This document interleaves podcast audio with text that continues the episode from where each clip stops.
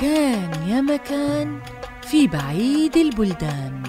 ملك يسهر ولا ينام إلا على قصص الإنس والجان. وبلغني أيضا أيها الملك السعيد أن الخليفة هارون الرشيد ووزيره جعفر والسياف مسرور كانوا في رفقة الخليفة الثاني الغريب الذي عرفوا عنه. فشرع الشاب يحدثهم بالذي حصل له من أوله إلى آخره. ثم أقمت عندها شهرا كاملا وقد تركت الدكان والأهل والأوطان فقالت لي يوما يا نور العين يا سيدي محمد إني قد عزمت اليوم على المسير إلى الحمام فاستقر أنت على هذا السرير ولا تنتقل من مكانك إلى أن أرجع إليك. وحلفتني على ذلك. فقلت لها سمعا وطاعة. ثم إنها حلفتني أني لا أنتقل من موضعي. وأخذت خادمتها وذهبت إلى الحمام. فوالله يا إخواني ما لحقت أن تصل إلى رأس الزقاق إلا وسمعت دقا على الباب. ثم فتح الباب ودخلت منه عجوز وقالت يا سيدي محمد إن السيدة زبيدة زوجة الخليفة هارون الرشيد تدعوك. فإنها سمعت بأدبك وظرفك وحسن غنائك. فقلت لها والله ما أقوم من مكاني حتى تأتي السيدة دنيا. فقالت العجوز يا سيدي لا تجعل السيدة زبيدة تغضب عليك وتبقى عدوتك. فقم كلمها وارجع إلى مكانك. فقمت من وقتي. وتوجهت إليها والعجوز أمامي إلى أن أوصلتني إلى السيدة زبيدة. فلما وصلت إليها قالت لي يا نور العين هل أنت معشوق السيدة دنيا؟ فقلت أنا مملوكك وعبدك. صدق الذي وصفك بالحسن والجمال والأدب والكمال فإنك فوق الوصف والمقال ولكن غني لي حتى أسمعك فقلت سمعا وطاعة. فأتتني بعود فغنيت عليه بهذه الأبيات. قلب المحب مع الأحباب متعوب وجسمه بيد الأسقام منهوب. ما في الرحال وقد زمت ركائبهم إلا محب له في الركب محبوب. أستودع الله في أطنابكم قمرا يهواه قلبي وعن عيني محجوب يرضى ويغضب ما أحلى تدلله. وكل ما يفعل المحبوب محبوب. فلما فرغت من الغناء قالت لي أصح الله بدنك وطيب أنفاسك فلقد كملت في الحسن والأدب والغناء فقم وامضي إلى مكانك قبل أن تجيء السيدة دنيا فلا تجدك فتغضب عليك. فقبلت الأرض بين يديها وخرجت خرجت من عندها وجئت إلى السرير. فوجدت دنيا قد جاءت من الحمام وهي نائمة على السرير. فقعدت عند رجليها وكبستها ففتحت عينيها فرأتني تحت رجلها فرفستني ورمتني من فوق السرير. يا خائن خنت اليمين وحنثت فيه ووعدتني أنك لا تنتقل من مكانك وأخلفت الوعد وذهبت إلى السيدة زبيدة. والله لولا خوفي من الفضيحة لهدمت قصرها على رأسها. ثم نادت على خادم وقالت له يا صواب قم اضرب رقبة هذا الخائن فلا حاجة لنا به. فتقدم الخادم وشرط من ذيله رقعة وعصب عيني وأراد أن يضرب عنقي. فقامت إليها الخادمات الكبار والصغار وقلن لها يا سيدتنا ليس هذا أول من أخطأ وهو لا يعرف خلقك وما فعل ذنبا يوجب القتل. فقالت والله لا بد أن أعمل فيه أثرا. ثم أمرت أن يضربوني فضربوني على أضلاعي. وهذا الذي رأيتموه إثر ذلك الضرب.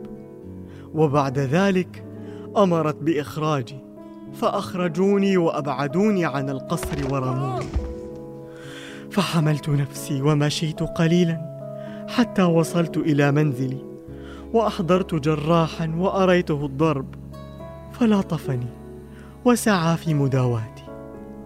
فلما شفيت ودخلت الحمام وزالت عني الأوجاع والأسقام جئت إلى الدكان وأخذت جميع ما فيه وبعته وجمعت ثمنه وعينت أربعمائة خادم فما جمعهم أحد من الملوك وصار يركب معي منهم في كل يوم مئتان وعملت هذا الزورق وصرفت عليه خمسة آلاف دينار من الذهب. وسميت نفسي بالخليفة ورتبت من معي من الخدم كل واحد في وظيفة واحد من أتباع الخليفة وهيأته بهيئة وناديت. كل من يتفرج في الدجلة ضربت عنقه بلا مهلة ولي على هذا الحال سنة كاملة وأنا لم أسمع لها خبرا ولم أقف لها على أثر. وفعلت ذلك من الخجل والحزن الذي شعرت به. فلم أطق نفسي ولم أرد أن أكون محمد عليه. ثم إنه بكى وأفاض العبرات وأنشد هذه الأبيات. والله ما كنت طول الدهر ناسيها ولا دنوت إلى من ليس يدنيها كأنها البدر في تكوين خلقتها. سبحان خالقها سبحان باريها. قد صيرتني حزينا ساهرا دنفا والقلب قد حار مني في معانيها. فلما سمع هارون الرشيد كلامه وعرف وجده ولوعته وغرامه تدلها ولها وتحير عجبا وقال سبحان الله الذي جعل لكل شيء سببا. ثم إنهم استأذنوا الشاب في الانصراف فأذن لهم وأضمر له الرشيد على الإنصاف وأن يتحفه غاية الإتحاف. ثم انصرفوا من عنده سائرين وإلى محل الخلافة متوجهين فلما استقر بهم الجلوس وغيروا ما عليهم من الملبوس. ولبسوا أثواب المواكب ووقف بين أيديهم مسرور سياف النقمة. قال الخليفة لجعفر يا وزير علي بالشاب الذي كنا عنده في الليلة الماضية. فتوجه جعفر إلى محمد علي وسلم عليه وقال له أجب أمير المؤمنين الخليفة هارون الرشيد. فسار معه إلى القصر. وهو من الترسيم عليه في حصر. فلما دخل على الخليفة قبل الأرض بين يديه ودعا له بدوام العز والإقبال وبلوغ الآمال ودوام النعم وإزالة البؤس والنقم. وقد أحسن ما به تكلم حيث قال السلام عليك يا أمير المؤمنين وحامي حومة الدين. ثم أنشد هذين البيتين. لا زال بابك كعبة مقصودة وترابها فوق الجباه رسوم حتى ينادى في البلاد بأسرها. هذا المقام وأنت إبراهيم. فتبسم الخليفة في وجهه ورد عليه السلام والتفت إليه بعين الإكرام وقربه لديه وأجلسه بين يديه. وقال له يا محمد علي أريد منك أن تحدثني بما وقع لك في هذه المدينة فإنه من العجائب وبديع الغرائب. العفو يا أمير المؤمنين أعطني منديل الأمان ليسكن روعي ويطمئن قلبي. عليك الأمان من الخوف والأحزان. فشرع الشاب يحدثه بالذي حصل له من أوله إلى آخره. فعلم الخليفة أن الصبي عاشق وللمعشوق مفارق. فقال له أتحب أن أردها عليك؟ هذا من فضل أمير المؤمنين. ثم أنشد هذين البيتين. هلثم أنامله فلسن أناملا لكنهن مفاتح الأرزاق. واشكر صنائعه فلسن صنائعا لكنهن قلائد الأعناق. فعند ذلك التفت الخليفة إلى الوزير وقال له يا جعفر أحضر لي أختك دنيا بنت الوزير يحيى بن خالد. فذهب جعفر ليحضرها. وفي أثناء انتظارهم قال الخليفة لمحمد محمد. أنا أتعاطف معك من الذي وقع معك. وعاهدت نفسي أن أساعدك وأتحفك ولكنني أقول لك نصيحة خذها كعبرة لباقي حياتك. هناك لا مفر من النفس. فالمرء لا يمكنه ببساطة الهروب من مشاكله بالتظاهر أنه شخص آخر. فإن خدعت الكل لن تخدع نفسك ولا مبرر للهروب. فقبل محمد يديه وقال سمعا وطاعة يا أمير المؤمنين سامحني ثم رجع جعفر وقد أحضر دنيا فلما تمثلت بين يدي الخليفة قال لها أتعرفين من هذا؟ يا أمير المؤمنين من أين للنساء معرفة الرجال؟